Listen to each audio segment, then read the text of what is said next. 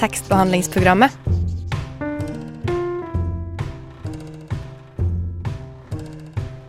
Tekstbehandling på radio.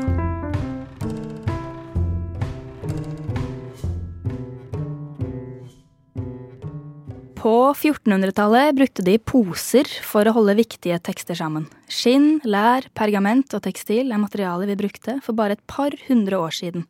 De løse varebindene, som er pakket rundt innbundne bøker, smussomslag, eller dust jacket på engelsk, kom på 1830-tallet, men ble først vanlig på 1800-tallet. Det var en rask oppsummering av historikkdelen på Wikipedia-siden til dagens tema, nemlig bokomslag. Mitt navn er Emily Neland, og du hører på tekstbehandlingsprogrammet her på Radio Nova. Med meg i studio har jeg deg, Alva. Hallo, hallo. Og Tony. Hallo. Tony har vært med oss en gang før. På uh, julesending, var det ikke? Jo, jeg lagde om julehefter.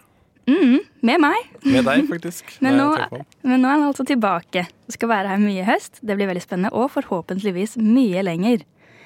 Uh, ja, I dag skal vi snakke om bokomslag. Det blir spennende. Og så har vi også noen uh, andre tekstbehandlere som skal snakke litt om musikk og litteratur. Så det blir en ganske sånn Kanskje vi ikke snakker så mye om tekst. Godt og blandet, kan du si. Godt og blandet, men det handler jo alt om litteratur. Det er en fin miks, tenker jeg. Det er en fin miks. Uh, yes, har dere noen uh, anbefalinger denne uka? Hva er ukas anbefaling? Alva, vil du starte? Ja, selvfølgelig. Uh, jeg har en anbefaling, og det er en essaysamling av Jeff Dyer som heter 'Vi er her for å dra et annet sted'.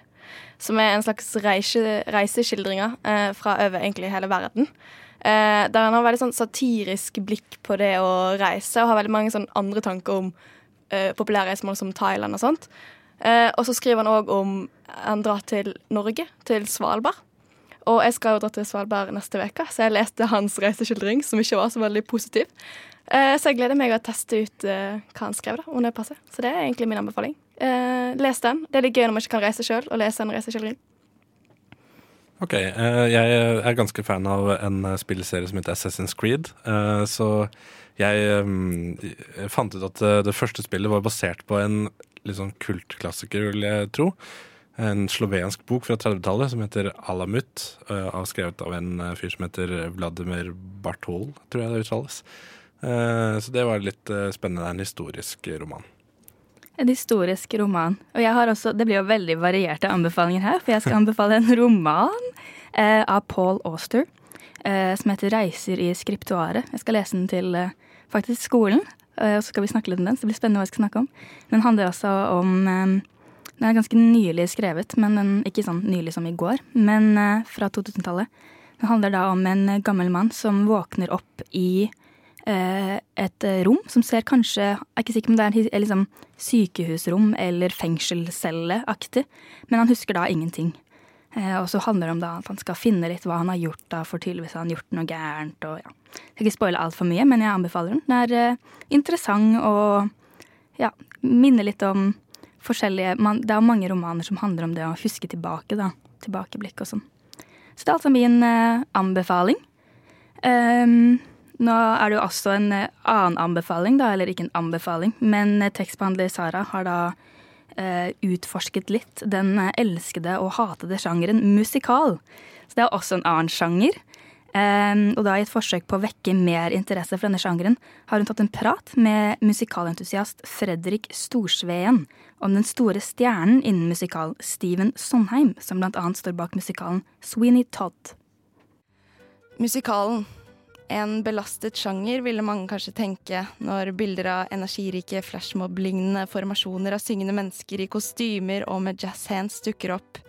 Karakterer som litt for tydelig artikulerer teksten til en sang de alle plutselig kan, mens de for bare noen sekunder siden førte en mer eller mindre vanlig samtale. Eller kanskje ser man for seg en tårevåt og håpløs sjel som synger seg gjennom Paris' gater eller langs kysten av en gresk øy. En statisk sjanger, ville noen kanskje sagt, hvor innholdet vel kan sies å gå på bekostning av formen. Allikevel er det forhåpentligvis noen der ute som nå kjenner at blodet bruser litt, og som inni seg roper stopp, musikaler er så mye mer! Og de vil jeg si meg enig i, men det er kun takket være en person som har kunnet lære meg mer om hva musikalsjangeren faktisk rommer, og for de fleste ikke interesserte, nok kanskje også skjuler. Derfor har jeg tatt turen bort til Norges musikkhøgskole for å snakke med min gode venn og komponiststuderende, og for denne anledningen veldig passende musikalentusiast Fredrik Storsveen. Han åpnet musikalverden for meg, i hvert fall. Og han viste meg at musikal ikke trenger å være så A4 og stilisert som man tror. At det kan være en sjanger hvor tekst spiller en stor rolle. Dette gjorde han bl.a. gjennom å introdusere meg til den store stjernen og geniet innen musikal, Steven Sondheim. Og det er Steven Sondheim vi skal få høre litt mer om nå. Men før vi hører intervjuet med Fredrik, så vil jeg bare komme med en anbefaling eller en oppfordring om å lytte til de to sangene fra Sweeney Todd som nevnes, nemlig The Worst Pies in London og My Friends, for å henge litt eh, bedre med på det som blir sagt. Ja, Fredrik, du kan vel egentlig bare begynne å si bare litt om hvem Steven Sondheim er, og hva han har uh, lagd. For jeg føler at folk kjenner han jo egentlig kanskje bedre enn det de tror. Ja, han er eh, en mann, en amerikaner, som har skrevet eh, musikk og tekst til mange musikaler. Startet eh, ganske ung, og hans gjennombrudd var eh, med å skrive teksten til West Side Story med musikk av Leonard Bernstein. Eh, da var han rundt 24, 25, 26. Han skrev teksten til den. Og det var når? Det var på 50-tallet. På slutten av 50-tallet.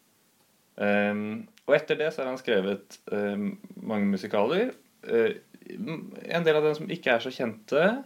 Uh, men han har skrevet de, Av de mest kjente er det Sweeney Todd, Into the Woods, uh, Company og Sunday in the Park with George. Ja. Og West Side Story, da. Og West Side Story som han har skrevet teksten til. Ja. Ikke musikk. Mm. Men jo, hva er det som er Hva er geniet Steven Sondheim? Mm, ja, det er mange grunner til at folk mener han er et uh, geni. Uh, og det er jo Det har nok noe med at han både skriver musikken og teksten selv. At, han, at de to delene av, uh, av stykket er såpass for han viktig at henger sammen. Og det, det føler man veldig når når man hører på det, at, at her bare flyter det på. Og det er noe av det som eh, kritikerne hans mener at eh, er det dårlige. Det er der folk har delt. For det er mange som mener at melodiene hans ikke henger på greip. At de bare, de bare holder på uten egentlig å peke noen steder. Um, at det er litt sang for sangens skyld, på en måte? Eller musikk for musikkens skyld? Nei, nei, han ville nok heller sagt at det er musikk for historiens uh, skyld. At alt har At det er, det er innholdet som bestemmer formen på sangen. Uh, og da Og innholdet trenger ikke alltid være informasjon som skal ut. Det kan også være liksom uh, hvordan en karakter er. Så for eksempel, da, hvis man tar The Worst Pies in London fra Sweeney Todd så er det liksom Det er en låt. Man hører at det er en låt. Uh, men uh, med ganske vanlige rimønstre. Men uh, innholdet er jo helt Det er nesten ingen setninger som blir ordentlig ferdig, fordi at hun, Mrs. Lovett, som synger den, er såpass liksom distré og bare kakler i ett kjør. Så da liksom viser Sonde hennes personlighet gjennom eh, sangen, og da altså formen på sangen, som eh, er veldig energisk i ett sekund, og så glir den plutselig over i en sånn litt eh, eh trist del, men så går det rett tilbake igjen til å være utrolig eh, pratsom og, og intens. Apropos det der med at han skriver karakteren inn i sangen, så i Sweeney Todd så er det også et eh, en låt hvor Sweeney Todd synger til eh, sine barberhøvler for første gang siden han ble sluppet ut av fengsel. Og her hører man at han i første verset bruker så mange s-er Han bare trykker inn s-er i, i, hver linje, sånn at det skal få en sånn hviskende kvalitet. Og en sånn, nesten sånn hypnotisk At han er blitt helt hypnotisert av de barberhøvlene. uten at man trenger å hviske. Det bare blir en sånn effekt. Jeg tenker også at det gir en følelse av den Eller den Ja. lyden når man Mm. kutter Ja, eh, lyden av kniv. ja, lyden av kniv. Og uh, her er alle hans tekster som han noensinne har skrevet, med uh, kommentarer, anekdoter eh, osv. som han selv har skrevet. Så det er mange morsomme historier eh, og mye interessant lesning om hva han selv mener om sine egne tekster nå. eh, 40 år etter at han har skrevet det. Jeg tenkte bare at du til slutt kanskje vil informere om disse to eh, tjukke bindene du sitter her eh, med, hvor man kan lese om eh, Steven Sondheim.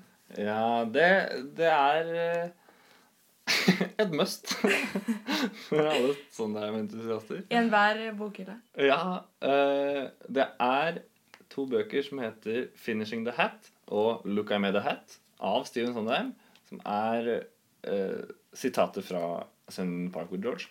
Og uh, her er alle hans tekster som han noensinne har skrevet, med uh, kommentarer, anekdoter eh, osv. som han selv har skrevet. Så det er mange morsomme historier eh, og mye interessant lesning om hva han selv mener om sine egne tekster nå. eh, 40 år etter at han har skrevet det. Er du hypp på å lese en bok, eller? Yes, du hører fortsatt på tekstbehandlingsprogrammet med meg, Emily og Alva og Tony. Vi er her. Eh, Og vi skal da snakke om bokomslag. Og det finnes jo utrolig mange bokomslag der i butikken. Man kommer kanskje i butikken og tenker sånn Hva skal jeg lese? Jeg vet ikke. Og så finner du et fint bokomslag, og så leser du. Men eh, jeg lurer litt på dere. Har dere et favorittbokomslag, eller? Du, det har jeg faktisk. Eh, jeg måtte tenke ganske hardt på om jeg hadde et favorittbokslag. For det er sånn enormt, jeg har sagt enormt mange bøker der. Enormt mange kule bokomslag. Men jeg valgte da Alice Smith eh, sin kvartett, den engelske versjonen. Eh, Jeg syns jeg er skikkelig kul, for det, det er fire bøker, og de er alle samme motiv. Det er bare forskjellige årstider og forskjellige farger. Og så er det veldig sterke farger. Liten tekst. Det har sånn enormt masse for meg å si. Og sånn, jeg liker ikke når det er terningkast eller sånn anmeldelse på framsiden. Jeg føler det ødelegger hele den kunstneriske delen av bokomslaget. Eh, så det er mitt valg, rett og slett. Alice Smith sin. Det er jo litt sånn vanskelig, da, for det er jo på en måte Selv om det er én bok, og så tenker du på det bokomslaget, så er det plutselig sånn fem andre bokomslag som folk kanskje vil forbinde med den boka. Det kommer jo så mange forskjellige. Ja, definitivt. Iallfall når det er oversatt, så føler jeg eh, det er alltid så sjukt mange forskjellige til samme bok. Eh, men jeg snakker om, da, om den engelske versjonen. Eh, ikke den norske, som òg er nydelig, eh, men akkurat den engelske er min eh, favoritt. Om det er Tonje? Eh, Jeg liker at det er litt sånn litt stilisert, eh, men samtidig sier litt om eh, hva boka handler om. Så jeg eh, er veldig glad i de nynorske klassikerne til Skald forlag. Eh, Hvor det er en enkel farge, og så er det en enkel illustrasjon. Og så uh, er, ser alle, er det tydelig at det er en stil, da. Mm. Det, det også. Jeg liker også at det er en helhet uh, som, jeg, som jeg kan se i bokhylla. Ja, for det er jo litt sånn Jeg vet ikke, det er jo mange sånn enkle bokomslag som jeg føler er veldig populært i Norge nå. At det skal være litt sånn enkelt. Og så er det kommer veldig an på sjanger, da. Men i hvert fall de romanene som er norske, så er det kanskje veldig enkle bokomslag, som man skjønner litt hva det er. Eller man skjønner litt på en måte at det er veldig enkelt, og så ser man veldig tydelig overskriften og litt sånn. Jeg vet ikke, jeg tenker bare på fordi mitt favorittbokomslag det er jo eh, kanskje Paris-syndromet av eh, Heidi Furre, som jeg snakket om for et par uker siden, men glemte eh, forfatteren på. Men det er også veldig sånn enkelt, veldig sånn stilisert, veldig blå. Eh, det er det som treffer deg først, en skikkelig fin blåfarge, og så er det bare et enkelt motiv, og så står det veldig tydelig Paris-syndromet. Så det er litt det samme som at det ikke er em, terningkast og sånne blurbs, som er sånn eh, Jeg leste om det så er sånn korte eh, kommentarer fra da artikler eller liksom anmeldelser, da, som står sånn nederst. Hvor det står sånn 'En utmerket bok', eh, Aftenposten, hvis du skjønner hva jeg mener. Ja, definitivt. Eh, ja, det irriterer meg litt, men samtidig så blir jeg jo litt dratt. og sånn, Å ja, å, ja, det er en utmerket bok. Da bør jeg lese den. Men jeg, jeg syns det er bedre når de står på baksiden. Liksom, det første man ser, burde være bare forsiden, ikke noen eh, ternekast eller noe eh, anmeldelse av den boken. For det, ja, jeg syns det, det forteller for masse. Vil, det, vil det si at det, det eh, definerer noe du syns er et dårlig bokomslag, hvis det er veldig mange sånne terningkast og, og blurbs da, på forsiden? Eh, ja, egentlig. For jeg føler da er det mer for å selge boken, og ikke for de du har tenkt på ok, hva passer til denne boken. Mer sånn OK, hvordan kan jeg selge den mest? Jeg setter på mange terningkaster og mange anmeldelser. Eh, og jeg synes sånn OK, hvis jeg skal faktisk skal eh, finne et fint bokomslag, så er det så var det masse jobb inni det, og det tenker jeg de terningkastene det ødelegger litt av den jobben. Mm. Jeg tenker veldig på, på krimbokomslag, eh, fordi der har jeg litt problemer med å se forskjell på en del bøker. Så sånn du kommer inn i krimavdelingen hvis du har lyst til å lese noen til påske, f.eks. Eh, og da er det veldig lite som står seg ut, og da er det litt vanskelig, med mindre man har bestemt seg på forhånd hvilken bok man skal ha. Eh, ja, da blir det gjerne Jo Nesbø, da. Ja, det blir jo veldig sånn krimomslag. er veldig eller krimbøkers omslag er veldig like. Men det er også noe med det eh, at når man da kommer inn og så ser man et krimbok, som du sier, man må nesten ha valgt seg på forhånd. Men det er ofte det når man kommer inn da, f.eks. bibliotek, der man bare skal titte litt, se litt hva som er. Um, så er det ikke nødvendigvis man har bestemt seg på forhånd hvilken bok man vil ha. Så da sier jo bokomslaget veldig mye å si på den måten. At uh, man vil jo gjerne lese en bok som har litt kult bokomslag. Selv om man ikke vet hva boken handler om, så sier jo det veldig mye om boka. Det er kanskje veldig mange som legger ut uh, at de leser i sosiale medier også. Ja. Uh, så er det sånn Hvilken bok skal vi legge ut da? Ja. Og så er det litt med at du har lyst til å Hvis du er i en bokhandel og ikke i bibliotek, men at du har lyst til å kjøpe den. Altså Hvis det er en bok som ikke har så veldig fint omslag, så er det mye høyere terskel for å faktisk kjøpe den boken enn hvis den er et veldig fint omslag. Så er det sånn, ja, da kjøper jeg den. Men tror du det er sånn fordi det er en slags Instagram, som du sier, at folk vil legge det ut på f.eks. sosiale medier, at det blir enda mer press på bokomslaget nå? At det må være finere, eller at det må passe inn i en eh, fargestil, eller at kanskje de som designer bokomslag, da tenker mer på at den skal være jeg vet ikke, Instagram-vennlig? Uh, jeg tror definitivt det. Uh, men det blir jo Spekulasjoner, Spekulasjoner fra min side. Eh, men jeg, ser jo, jeg følger jo mange som leser, eh, og jeg ser jo ofte at det er liksom det og frokosten eh, som blir lagt ut. Det er litt sånn subtilt en bok til siden der. Mm, det er også Jeg husker på sosiale mediene våre, da, så er det jo la vi ut et par bøker forrige uke i sammenheng med forrige sending, og det var noen som kommenterte sånn 'utrolig fint bokomslag'. Det er sånn, det er kanskje man tenker jeg har mer lyst til å lese denne enn den andre fordi det er bra bokomslag. Jeg vet ikke. Jo, jeg tror definitivt mange tenker det. I alle fall, altså Det eneste man ser på Instagram, er jo bokomslaget. Så det er alt man går etter. Uh, så det tror jeg er annen måte å si. Det er jo litt Man skal jo ikke You, you shouldn't uh, Hva heter det? Judge, yeah. Judge a book by the cover. Ja. Det er jeg tenker på hvis du, hvis du går inn i uh, en antikvarisk Et antikvariat, så er det veldig mange sånn at bøkene ser helt like ut. så da er det sånn jeg lurer på hvordan man valgte bøker da. Eh, men det, det Ja. Det, det er jo noen da som har, har litt eh, forskjellig design, men det ser du først når du tar boka ut. Ja, det, ofte er ryggene kanskje litt det samme. Mm. Det er litt fint med spicy farger. Én, to, tre.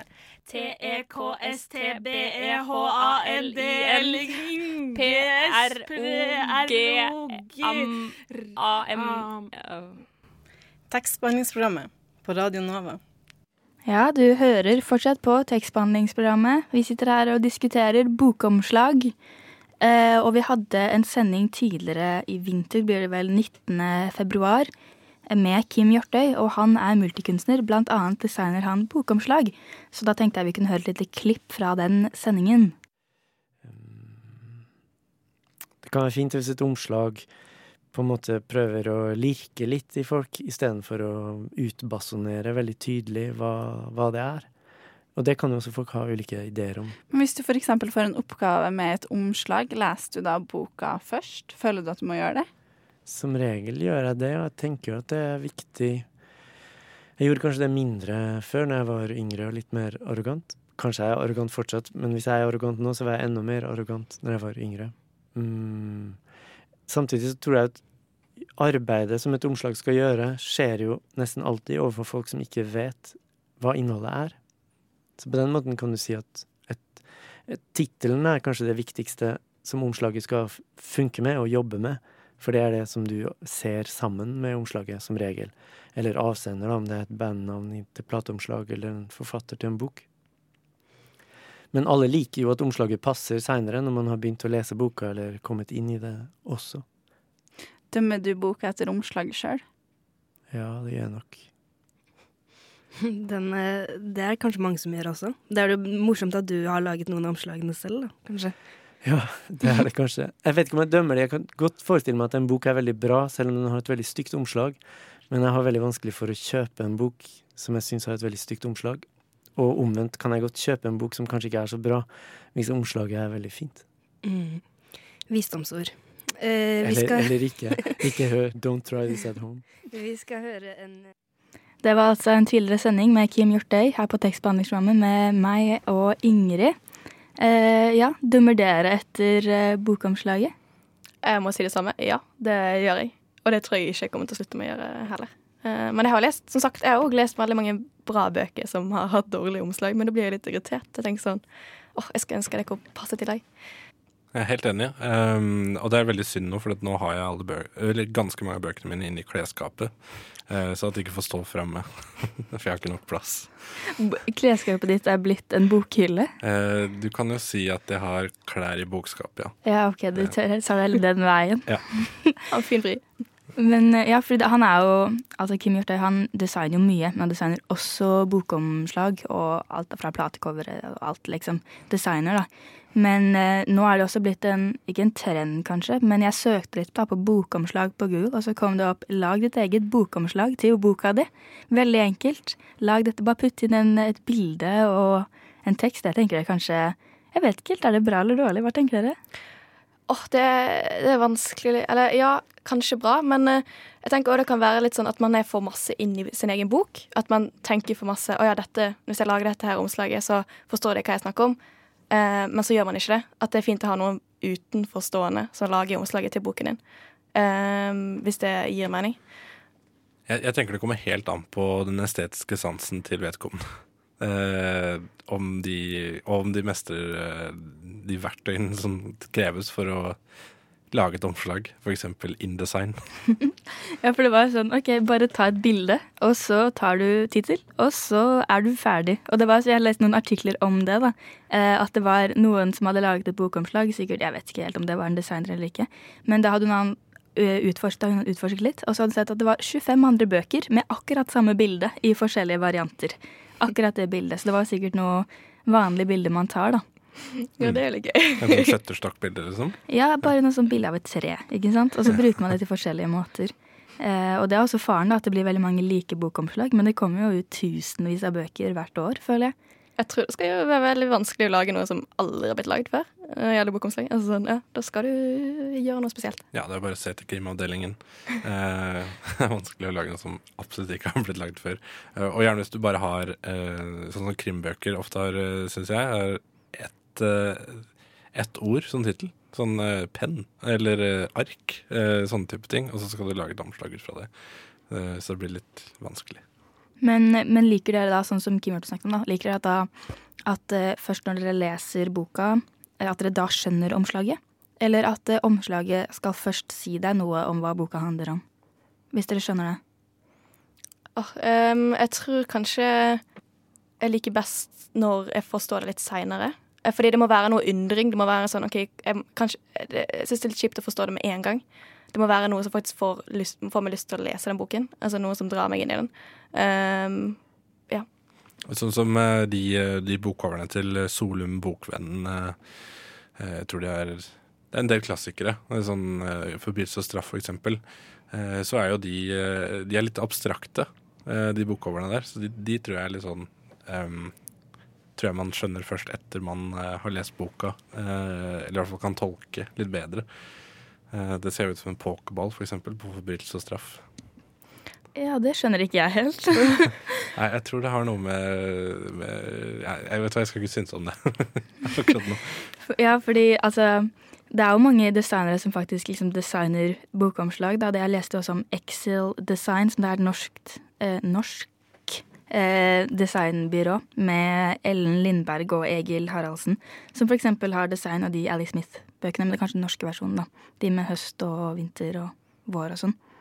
Eh, så det er noen som driver med det. Det er kanskje litt dumt om først vanlige folk skal gjøre det, men jeg føler det også er litt trend at du skal gjøre alt selv, eller alt skal være liksom de, Det er jo mange som lager egne forlag, for eksempel, og det blir litt sånn, da skal design også være din greie.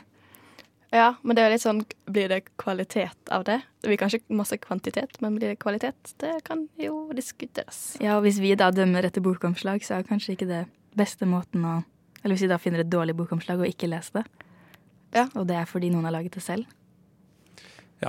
jeg tror, ja, jeg, tror Ja. det er, jeg er jo enig. Um, men det er jo uh, kanskje Jeg vet ikke hvor mye, hvor mye selger en bok eh, som er gitt ut selv. Eh, går det bare til familie og venner, eller går det ellers også? Fordi jeg, jeg, jeg ser det sjelden i bokhandlene, i hvert fall. Eh, I hvert fall de jeg kjenner til. Ja, hvis du da, Men hvis du f.eks. slår skikkelig til da, og får et skikkelig bra bokomslag som du har laget selv, så får du plutselig bare ikke familie og venner, men mange flere. Mm. Men det er jo en risk man selv må ta. Jeg har to lidenskaper her i livet. God litteratur og analsex. Tekstbehandlingsprogrammet gir deg alt du vil ha, og litt til. Mhm, du hører på tekstbehandlingsprogrammet, og vi snakker om bokomslag i dag. Dine favorittomslag, Tony, var jo Skald sine nye, nye omslag av klassikere. Eh, og det er jo, jeg vet ikke om det er en trend nå, men det har blitt mange, mange bøker eller romaner som har fått nytt omslag, som er klassikere, men nå har fått et litt modernisert omslag. Ja, det virker som eh, det er liksom en sånn generell eh, Ja, folk har lyst til å lese klassikere. virker Folk, ja, og kanskje, ja, men kanskje det sier noe om tiden også, da, at folk har lyst til å lese bøker med fint omslag. Ja, ikke sant. Men det er jo kanskje litt, med på å gjøre det litt tidløst også. Hvis du ser eh, gamle utgaver av eh, klassikere, så er jo det ikke alltid de har tålt tidens stand. Ja, og det er, også no, det er også veldig vanlig å ha at liksom det er noen klassikere som eksempel har hatt samme design da over lengre tid. For eksempel Penguin er jo veldig kjent for å ha ett design. Eh, og du kjenner igjen pingvinbøkene veldig godt, Pingvin Classics. Eh, og så er det jo det motsetningen, da, kanskje andre klassikere som ikke, som ikke blir gitt ut på pingvin, men som kanskje også blir gitt ut på pingvin, men som da andre forlag har lyst til å gjøre mer moderniserte, som du sier. Mm. Eh, og akkurat det, når det kommer til at ting har likt design, eh, da merker jeg med meg sjøl at jeg er veldig tilbøyelig for å ta med en ekstra bok i den serien. Det er sånn eh, Hvis jeg, jeg har noen Penguin-bøker hjemme, så er det sånn Jeg vet at jeg har Penguin-bøker hjemme, og det, jeg syns det ser bra ut når jeg har mer av det samme. Eh, det er kanskje derfor jeg er glad i de minimalistiske eh, greiene også. Um, Betyr det at du leser de òg, eller bare tar du med hjem? jeg leser de aller fleste bøkene, eh, men eh, jeg vil jo si at det å kjøpe bøker og det å lese bøker er to forskjellige hobbyer, hvor den ene gjøres mer av enn den andre. Ja, jeg har fått masse bøker jeg ikke har lest i bøker. Ja, det støttes. Det støttes. Det er også, ja. Og det er, ja, for som sagt så er Penguin veldig gjenkjedelig, og så er de skallbøkene nye. Ja, for jeg, jeg var her om dagen og Eller var faktisk eh, Jo, her om dagen så kjøpte jeg en eh, krimklassiker eh, av Nasjonalbibliotekets krimklassikere, eh, som het eh, 'Mitt navn er Knopf' av Olaf Bull. Ja, sånn, den, jeg tror ikke den er veldig kjent, eh, i og med at det er Nasjonalbiblioteket som gir den ut. Men da fant jeg ut i ettertid at det fantes to bøker til av den, og da gikk jeg og kjøpte de to også. Og de hadde nytt bokomslag? Var De, det det de, har det, ja, de har det samme designet altså alle de tre bøkene. Så det er en serie med Med, ja, det er nå så langt så er det bare tre stykker med sånne gamle krimklassikere fra Nasjonalbiblioteket. Ja, men det med nytt design, altså det gjør jo at man får lyst til å lese Altså, Klassikerne ligger jo alltid der, men man glemmer kanskje at de ligger litt der. Så med en gang de får nytt design, så kommer de på biblioteket igjen, eller de kommer liksom på, i bokhandelen igjen. Så blir det sånn Å ja, der er den, ja. Den har jeg hatt lyst til å lese lenge, men jeg har glemt den litt. Ja, nei, for jeg bare tenker det, det, det skiller f.eks. for eksempel eh, platecover. Eh, når, når det er veldig Det er veldig mye krav, føler jeg, da. Når, eh, når eh, en plate gis ut på nytt, så skal det være så likt originalen som mulig. Det er veldig lite rom for å lage et nytt omslag, eksempel.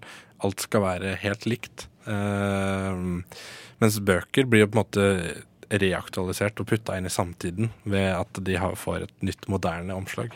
Ja, det blir jo nesten som om de blir gitt ut på nytt. Ja, øh, du kan jo se Du kan lese en bok fra 1800-tallet, og den ser ut akkurat ut som en bok som er gitt ut i dag.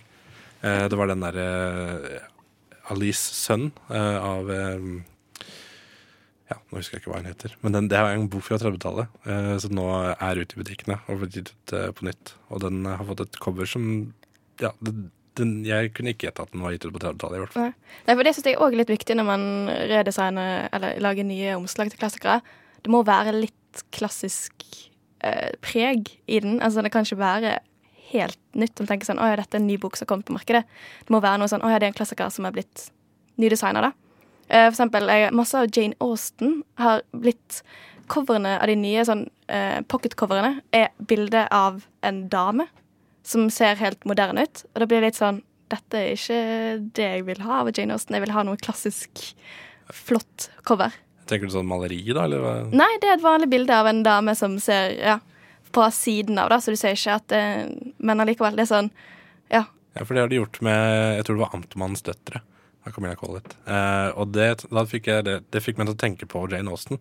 Så kanskje, da fikk jeg kanskje litt mer lyst til å lese den boka, fordi jeg forbinder Jane Austen mer med liksom sånn klassiker, da.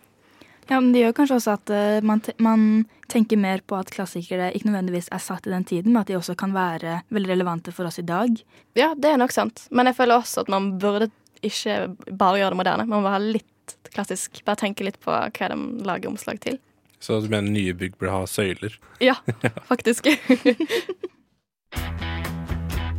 Hallo, mitt navn er Knut Nærum, og du hører på tekstbehandlingsprogrammet. Jeg går i hvert fall ut fra at du gjør det. Du gjør det.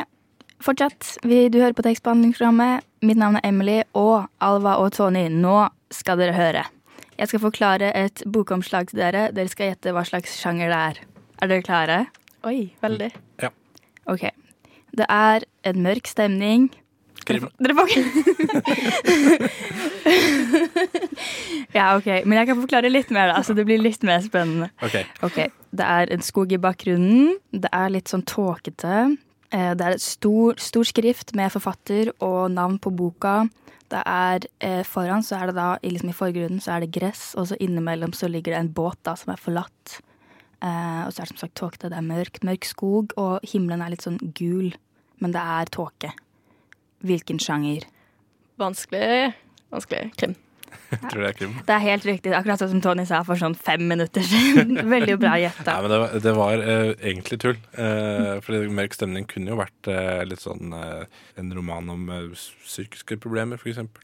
Eh, Ja, men det er jo litt sånn, for eksempel når jeg nevnte det andre også. Det er jo en, når man ser på bokomslag og som vi snakket om i stad, går til på en måte en hylle, så ser du veldig fort det du forventer å se. Eh, og det er også det med andre romaner også.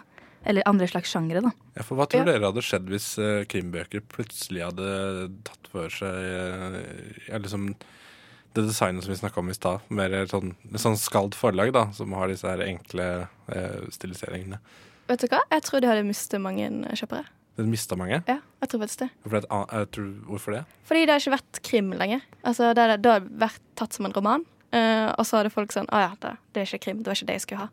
Så det er fordi folk ikke tenker at det er en krimroman, eller fordi hele stemningen med å lese en krimroman er også bokomslaget? Ja, begge deler, vil jeg påstå. Ja. Man skjønner alt sammen ved å se på bokomslaget, da.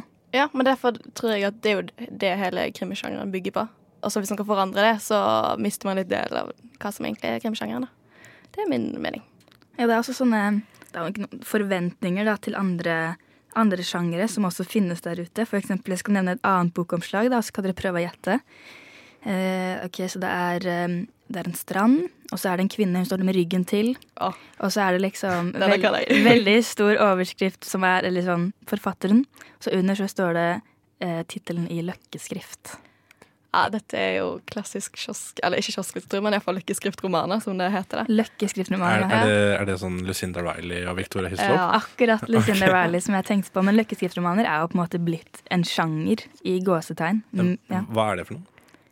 Det er akkurat det du beskriver. Det er Lucinda Riley. Det er sånne bøker som har løkkeskrift, og så er det ofte en dame som fra 50-tallet. Du ser ryggen av henne. Veldig- Men melodramatisk tror jeg det står. på. Det er jo sånn, et punkt i liksom, norsk ordbok. på en måte. Løkkeskriftromaner. Ja, for jeg, jeg var på en bokhandel, og da var det en egen hylle som het, uh, hvor det sto 'Drøm deg bort', og da var det mye av de bøkene.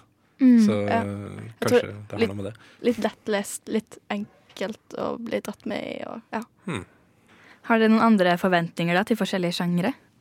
For, Eh, med tanke på bokomslag? Dikt, kanskje. Jeg, jeg føler dikt har veldig fine omslag, om jeg kan si det.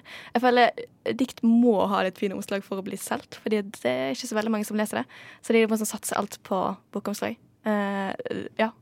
Så de føler jeg Ja. Man legger masse i det. Ja. Masse kunstnerisk i det. Ja, jeg tenker kanskje at det bør være bilde på, på faktabøker eh, om, eh, om f.eks. andre verdenskrig.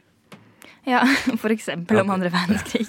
Ja, fordi sakprosa må jo i mye større grad forklare hva boka handler om, enn romaner eller skjønnlitteratur. da.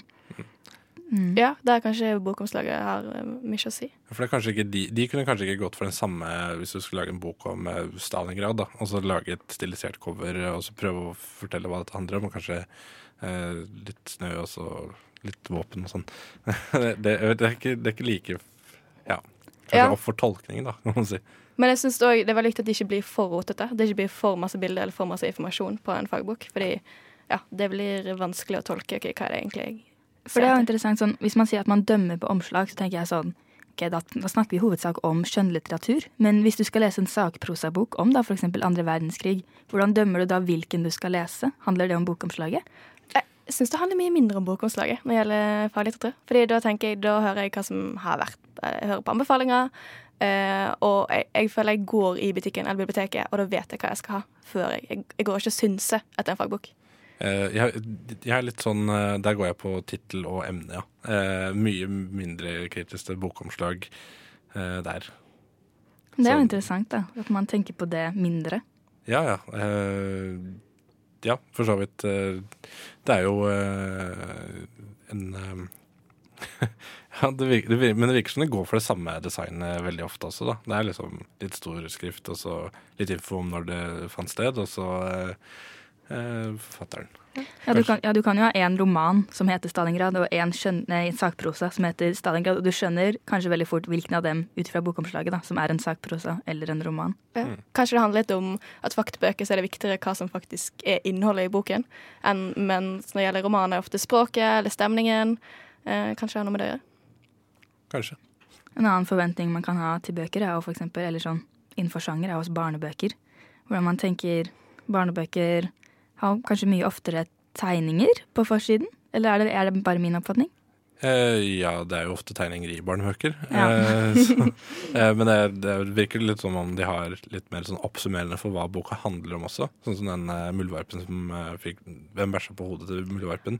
Da går jo han rundt med en bæsj på hodet. Da, på Ja, det. det Men det virker også som at eh, omslaget på barnebøker holder seg sånn eh, så lenge den eksisterer. Men det er kanskje fordi eh, det er så integrert del av, av boka, da, fordi den er gjennomillustrert, garantert eh, av én illustratør. Og da som sikkert er lagd for omslaget også. Ja. Og det tror jeg er veldig viktig med sterke farger på sånne bøker. Fordi at det er jo barna som skal liksom bli Mm. fanga av de, og da trenger man farger. Jeg lurer på hva som hadde skjedd hvis man plutselig et år blandet alle bokomslagene mellom sakprosa og barnebøker og løkkeskriftromaner, krim og bare det hele, og plutselig skulle velge hva slags bøk man skulle lese da. Det hadde vært ganske kult å gitt en uh, bokomslagsdesigner eh, jobben å lage barnebokdesign basert på krimdesign. Ja. Oi, det har vært så gøy. Kanskje vi skal pitche det? Eller omvendt, da. Det hadde også vært ganske Ja. gøy. Hvis den lille muldvarpen, eh, hvordan det omslaget skulle sett ut i en krimbok, da. For det er jo litt krim, da, og han vet jo ikke hvem som har gjort det. Nei, det er et mysterium. Skulle ønske jeg var diktator, så jeg bare kunne velge at alle bøker skulle skifte bokomslag. Nei da, skulle ikke ønske det. Eh, vi skal høre fra en annen stemme i tekstbehandlingsprogrammet, nemlig Stine.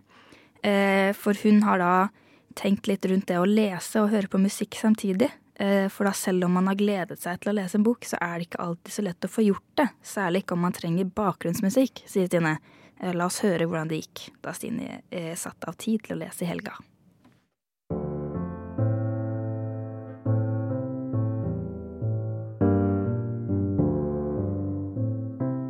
Mens jeg betalte, påpekte hun i kassa at boka er over 600 sider. Jeg måtte innrømme at den er tjukkere enn jeg hadde forventa, men hadde gleda meg veldig, så det var for seint å ombestemme seg. Jeg trykte OK, sa takk og tok med meg morgenstjernen hjem. Vel hjemme satte jeg meg til rette i sofaen. Litt sliten etter å ha båret den hele veien fra Storo. Endelig litt tid til å lese. Endelig en ny roman av Knausgård, tenkte jeg, enkel som jeg er. Men allerede etter tre sider var stillheten i stua mi for overdøvende og gjorde Knausgårds 600 sider litt for tung å holde. Mangelen på lyd ble rett og slett for distraherende.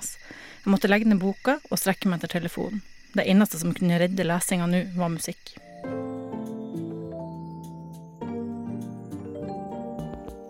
Men hva slags musikk passer egentlig til lesing? Det er jo et godt spørsmål, tenkte jeg. Et spørsmål som nok har blitt stilt tusenvis av ganger, bare i år. Kanskje noe litt rolig, uten så tydelig vokal. Jeg vil jo ikke bli forstyrra heller. Musikken må bare være der. Samtidig som den skal høres, hvis ikke er poenget borte, så må den ikke være for stemningsskapende eller tydelig. Lystig pop kan fort heve humøret, og med godt humør kommer god stemning. Det er jo fint, det, men det passer kanskje ikke morgenstjernen. Og selv om det hadde passa, så ville jo musikken farge lesinga og gjort teksten enda mer lystig. Men det er jo faren uansett hva jeg velger. Går jeg for noe rolig instrumentalt, så er jo det også risikabelt. Kanskje blir jeg for avslappa eller rett og slett for nedstemt. Kanskje den påsatte dramatikken og humoren på siden uansett kommer til å drukne i triste toner, tunge trommer, hjertelig sang eller glad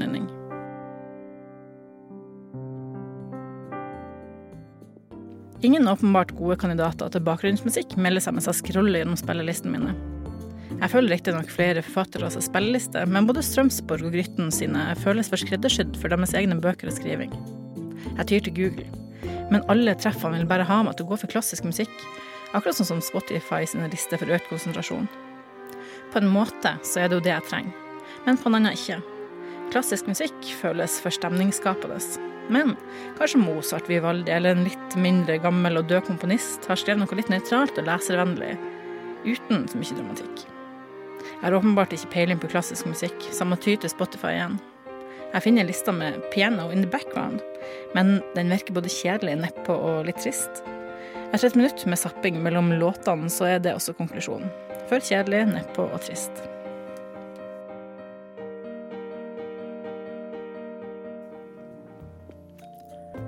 Det slår meg brått at jeg faktisk eier det perfekte albumet for lesing. Death Havens Sunbather. Eie og eie har du selvsagt digitalt, men uansett. Ok, så er kanskje dette albumet også litt trist, men er ikke all musikk det så fort vokalen forsvinner? Så dum er jeg som ikke har tenkt på dette før, tenker jeg. Jeg setter på første spor og skal til å strekke meg etter Knausgård som ligger på stuebordet.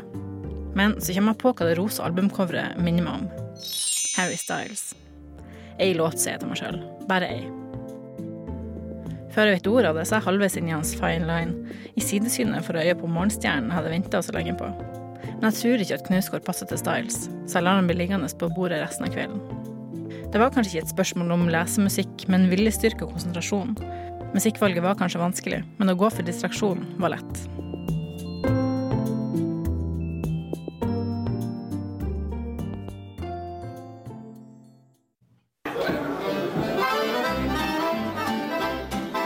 Hvis du går hjem med noen og de ikke har bøker, ikke knull dem. Hilsen tekstbehandlingsprogrammet.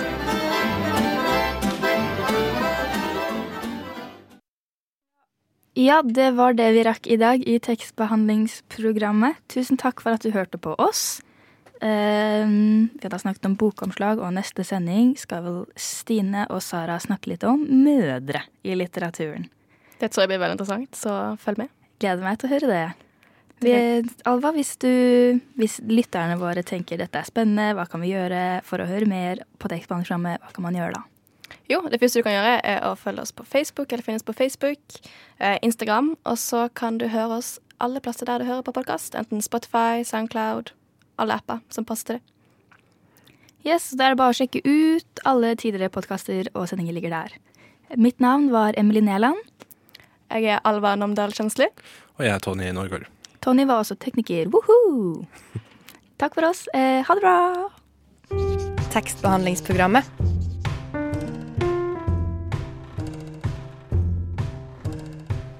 Tekstbehandling på radio.